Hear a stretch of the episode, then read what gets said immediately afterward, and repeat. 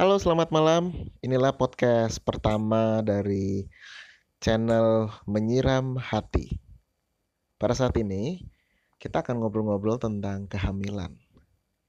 Dan yang menjadi tamu pada pembicaraan kali kali ini adalah Nyonya Henny Diah Ningrum. Siapa dia?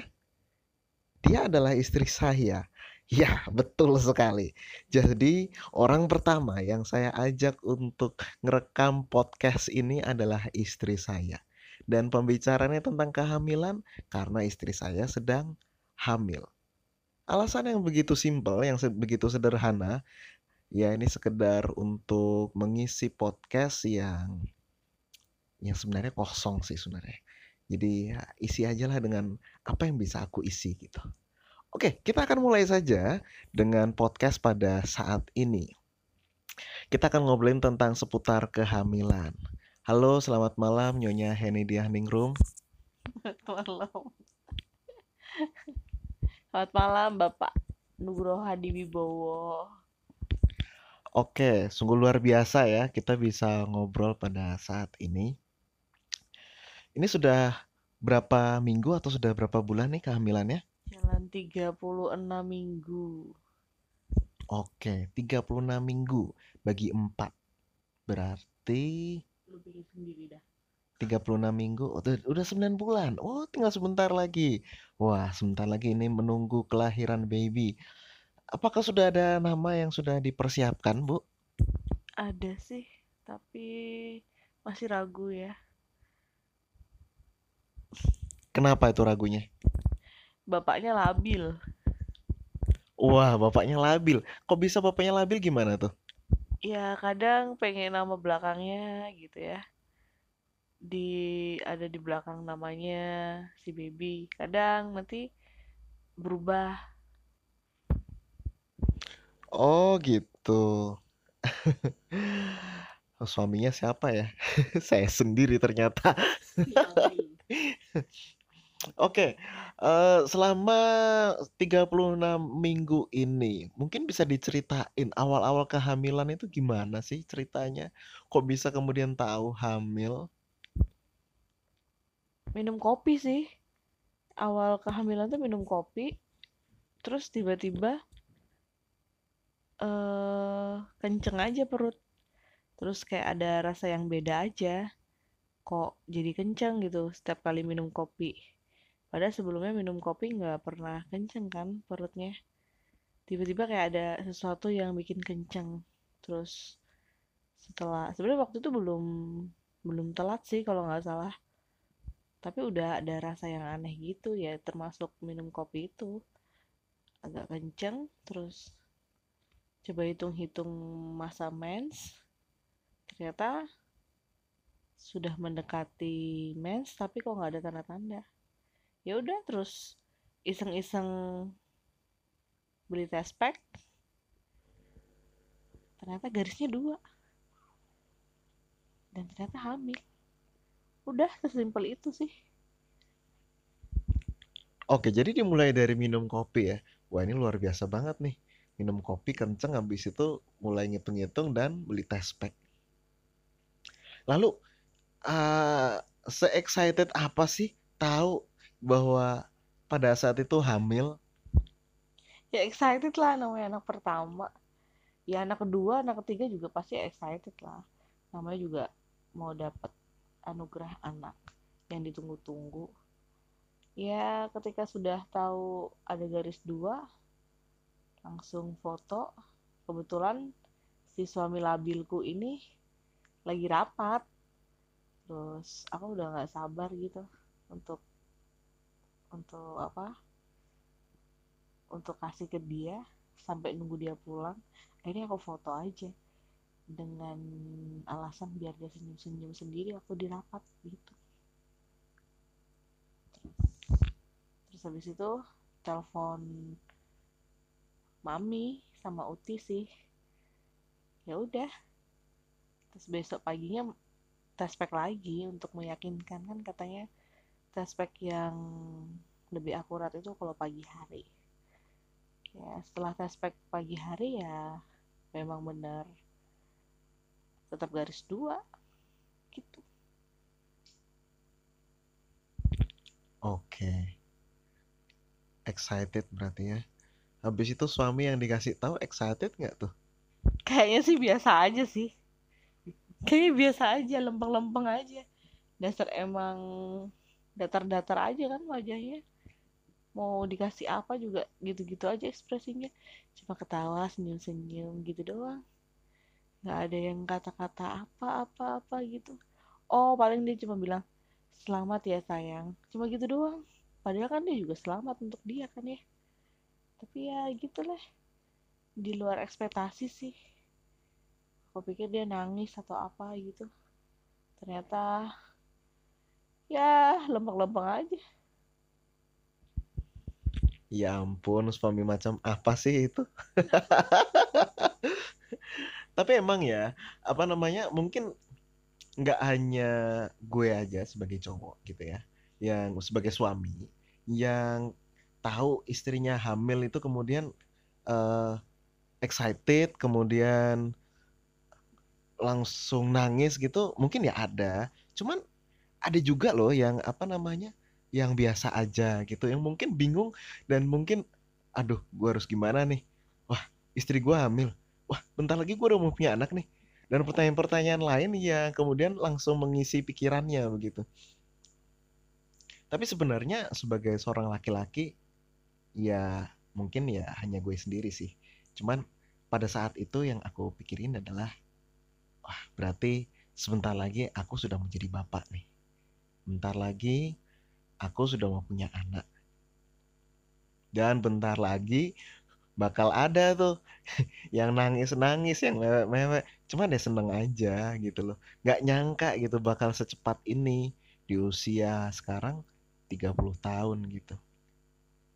Excited sih, cuma pada saat itu emang aku nggak bisa ngungkapin eh, keceriaan, kebahagiaanku pada saat itu.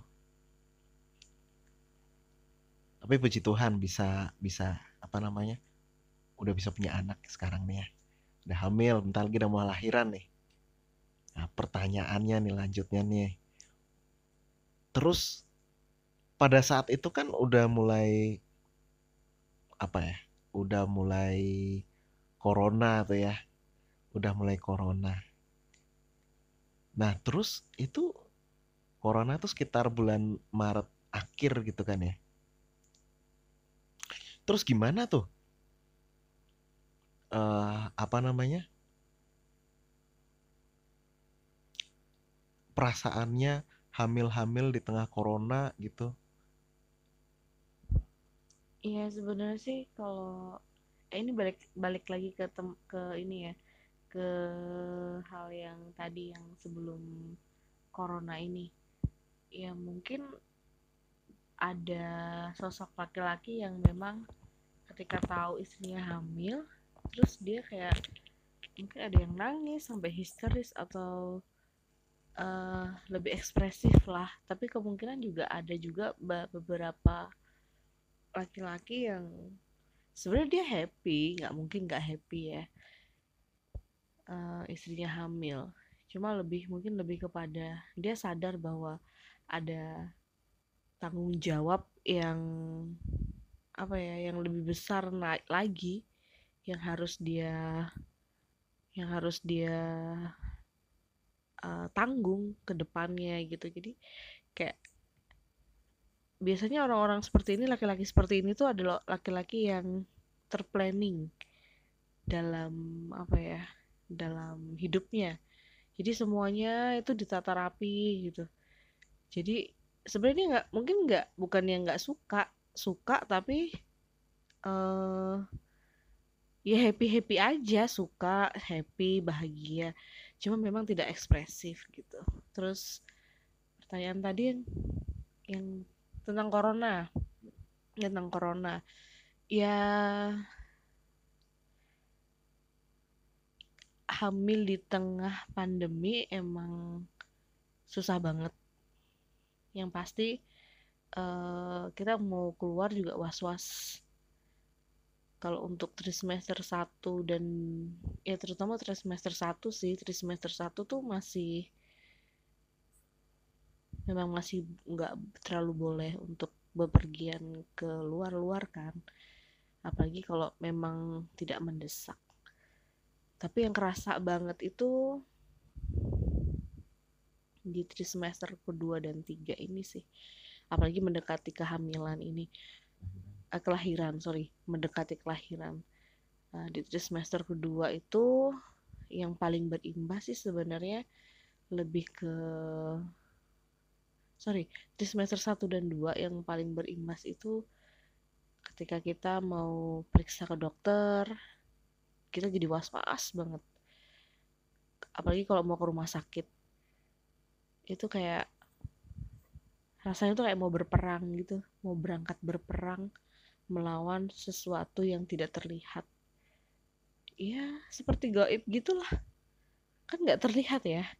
Jadi kayak kayak uh, gue punya musuh tapi nggak kelihatan. Ya kan gaib dong jatuhnya. Jadi ya super parno. Kalau ketemu orang apalagi kalau ada yang uh, uh, gitu sedikit gitu udah wah corona nih corona nih. Jadi kayak langsung apa ya paranoid, paranoid banget. Kayak ngerasa wah ini jangan-jangan virus nih atau dia ini sakit nih sakit corona atau apa. Padahal sebenarnya kan orang bisa aja kesedak atau gimana. Tapi ya namanya kita ada di pandemi covid kayak gini tengah-tengah pandemi covid kayak gini ya yang nggak hamil pun pasti juga mengalami hal yang sama ketakutan yang sama gitu. Apalagi uh, hamil. Terus kalau aku sih yang agak berat itu ketika udah perut ini udah nggak bisa disamarkan. Kalau trimester 1 2 kan masih bisa disamarkan tuh.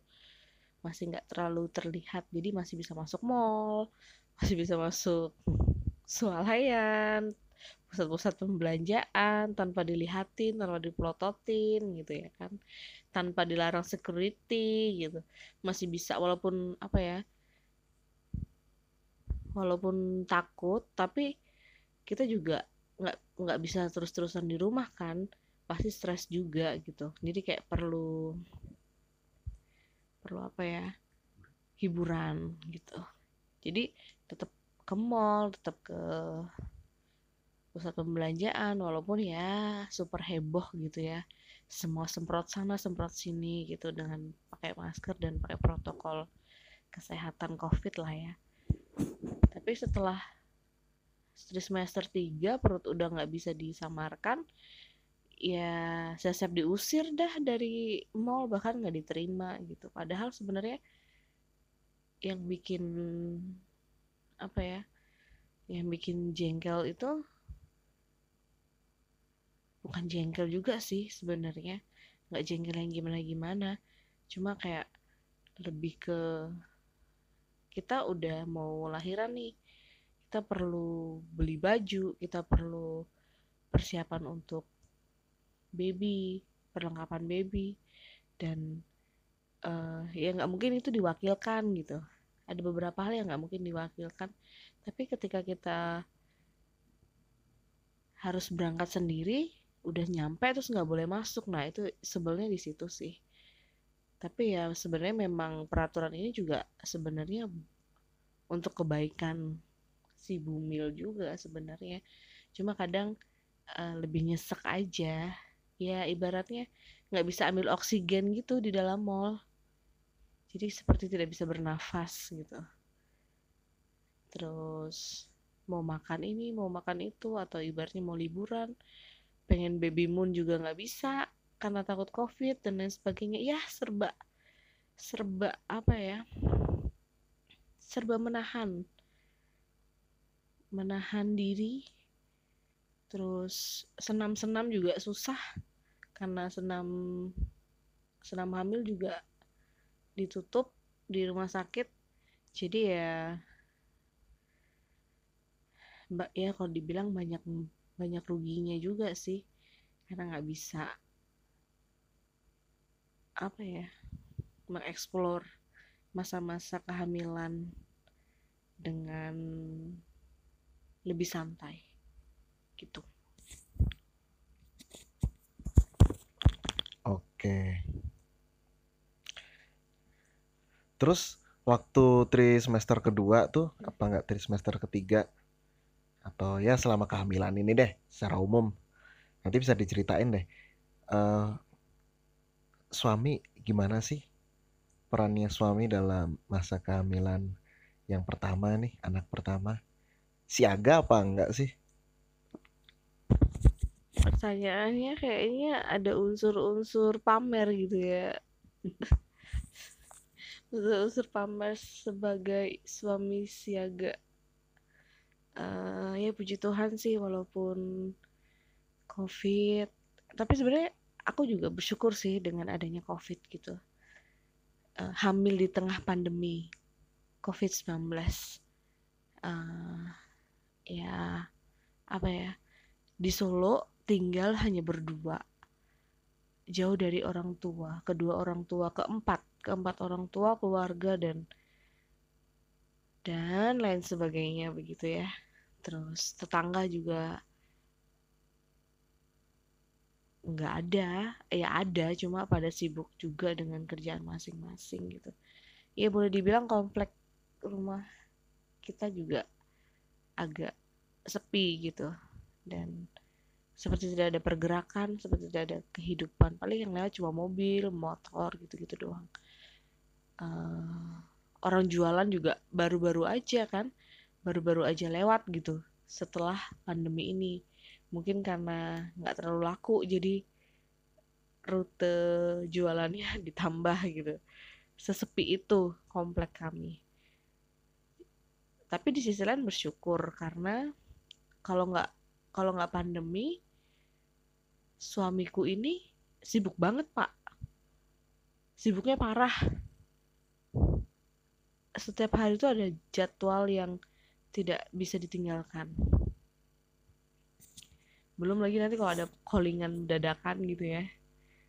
Udah mau udah siap-siap nih udah siap-siap mau pergi atau apa gitu sebelum covid sebelum ada covid ini iya udah siap-siap udah mau berangkat ternyata ada callingan gitu ada telepon akhirnya batal gitu ada udah janji dari lama-lama gitu udah dari di planning udah dari berapa minggu yang lalu gitu tiba-tiba bisa batal. Nah itu udah sering terjadi. Jadi kayak aku juga ngerasa bersyukur dengan adanya covid karena dengan adanya covid semua pelayanan semua pelayanan semua aktivitas yang dulunya padat gitu kayak seolah-olah tuh dikasih Tuhan tuh untuk istirahat gitu. Nih gue kasih istirahat lu pada nikmati nih quality time sama keluarga-keluarga kalian gitu. Dan ternyata aku hamil di masa pandemi ini. Jadi ya uh, udah sepi rumahnya sepi balik gitu ya lingkungannya sepi terus nggak ada orang tua jauh dari keluarga besar terus hamil aku nggak akan kebayang kalau uh, saat itu suamiku juga sibuk pelayanan gitu. Walaupun sebenarnya nggak mengeluh tentang pelayanan ya tapi uh, dengan adanya covid ini ya dia ada di rumah. Dan terutama dari semester 1 tuh aku udah nggak bisa ngapa-ngapain. Kadang muntah dan lain sebagainya. Lemes yang pasti tuh lemes banget udah nggak bisa ngapa-ngapain. Jadi ya suamiku tuh cukup tanggap dalam mengambil alih peran perdapuran. Termasuk nyapu dan ngepel cuci baju. Terus ya dia mendadak sebagai menjadi bapak rumah tangga yang baik dan santun lah yang soleh gitu. Jadi semua pekerjaan dia yang kerjakan di trimester awal uh, tiga bulan pertama tiga sampai empat bulan pertama. Lebih overprotective nggak boleh makan ini nggak boleh makan itu uh, semuanya serba ditakar dan lain sebagainya. Uh, apa lagi ya? Ya pokoknya cerewet deh lebih ke ke emak-emak komplek gitu atau lebih ke kayak ibu kos ngamuk belum dibayar belum dibayar kosnya sama anak kosnya itu. Kalau aku makannya dikit atau nggak mau makan sayur. Karena selama kehamilanku ini sebelumnya aku suka banget sayur.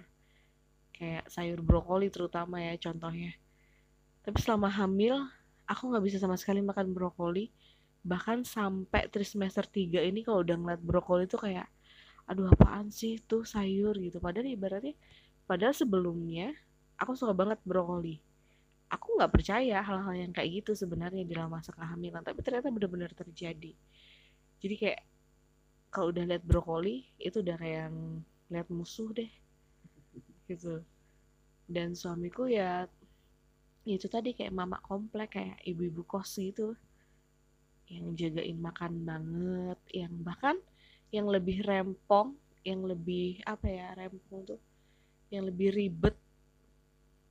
Lebih ribet nyari nyari cari makanan apa yang bagus dan lain sebagainya tuh suami aku sih. Jadi aku kayak lebih aku lebih lebih ngejalanin doang. Dia leadernya gitu kayak di kehamilan ini tuh kayak dia leadernya aku bawahannya dia yang aku cuma tinggal terima beres makan doang bahkan ibaratnya semua semua dia yang siapin. Itu di tiga bulan sampai empat bulan pertama. Terus masuk trimester kedua itu udah enak sih. Udah mulai bisa makan hmm, lebih banyak menu udah bisa masak juga udah udah udah bisa bikin kue uh, ngebaking gitu udah bisa. Dan rasanya tuh happy banget kalau udah bisa kayak gitu. Karena bener-bener suntuk kan ya apalagi masa pandemi emang nggak ke mana-mana juga. Jadi kayak uh, trimester pertama tuh memang ya buat semua ibu-ibu lah ya. Semua ibu-ibu hamil pasti berat memang. Cuman udah masuk semester kedua apalagi semester ketiga udah ah nafsu makannya udah berlebih deh. Habis makan gitu ya nggak ada 15 menit itu bener-bener kerasa masih lapar udah lapar lagi dong. Kayak yang bener-bener lapar bukan lapar kayak kepengen makan doang rasanya. Itu bener-bener kayak kepingin makan makan yang makan lagi dengan porsi yang sama. Kayak belum makan 3-4 jam gitu. Dan suamiku sih perannya masih masih luar biasa sih sampai semester ketiga dan bahkan sampai sekarang. Masih apa ya tetap overprotective. Masalah makanan. Banget Waduh, suami macam apa itu overprotective ya? Iya, jadi tapi menarik loh ya di saat ada uh, istri-istri yang merasa bahwa suaminya kurang tanggap begitu ketika mereka hamil, tapi ibu ini bisa cerita kalau suaminya cukup cukup tanggap begitu ya. Hmm. Walaupun nggak tanggap banget, cuman ya bisa lah. Hmm Uji diri sendiri ya? Iya uh, apa namanya? Ini bukan berarti saya memuji diri sendiri mungkin iya tapi nggak sepenuhnya tentang itu. Tetapi eh, yang ingin saya sampaikan di sini adalah bahwa uh, yang namanya kehamilan itu bukan hanya urusan perempuan aja gitu. Nah yang namanya kehamilan itu adalah urusan bersama dan ini yang sering kali uh, bagi sebagian laki-laki itu tidak tidak masuk dalam pikiran mereka, tidak masuk dalam akal mereka. Karena mungkin mereka mikirnya saya kerja, saya memberikan uang kepada pasangan saya, saya memberikan perhatian secukupnya, urusan dapur dan lainnya udah urusannya dia juga gitu loh. Jadi segala tugas yang ada di rumah itu dibagi berdasarkan gendernya gitu laki-laki kalau udah pulang ke rumah itu ya waktunya waktunya untuk dilayani gitu. Padahal di rumah istri ini juga butuh untuk dilayani karena dia lagi hamil mungkin dia lagi sibuk. Apalagi nanti kalau sudah punya anak pasti akan lebih banyak lagi tanggung jawabnya. Jadi di sini bagi para laki-laki yang bisa kita ambil pelajaran itu adalah bagi para suami ataupun calon-calon suami bahwa sayangilah istrimu sayangilah mereka. Kehadiran anak memang menjadikan tambahan tanggung jawab, tetapi itu adalah tanggung jawab bersama. Memang yang hamil adalah istrimu, tetapi perhatian, uh, terus apa namanya, tanggapan kita terhadap urusan dapur, urusan rumah, baju, dan lain sebagainya itu juga kita perlu PK lah. Jangan sampai semuanya dilakukan sama istri pada saat mereka sedang dalam kondisi yang nggak fit atau dalam kondisi yang hamil. Begitu. Lebih aware lah lebih sadar. Apa yang nggak bisa dikerjakan mereka ya kita kerjain. Gitu. Oke mungkin sekian dulu ya podcast pada malam hari ini. Jadi apa namanya? Memang ini belum selesai ceritanya, sengaja biar nanti ada sambungannya gitu ya. Oke, terima kasih buat Ibu Henidiah Ningrum yang sudah berbagi tentang kehamilannya sedikit. Kita akan lanjut pada episode sesi podcast berikutnya tentang masih tentang kehamilan. See you, selamat malam.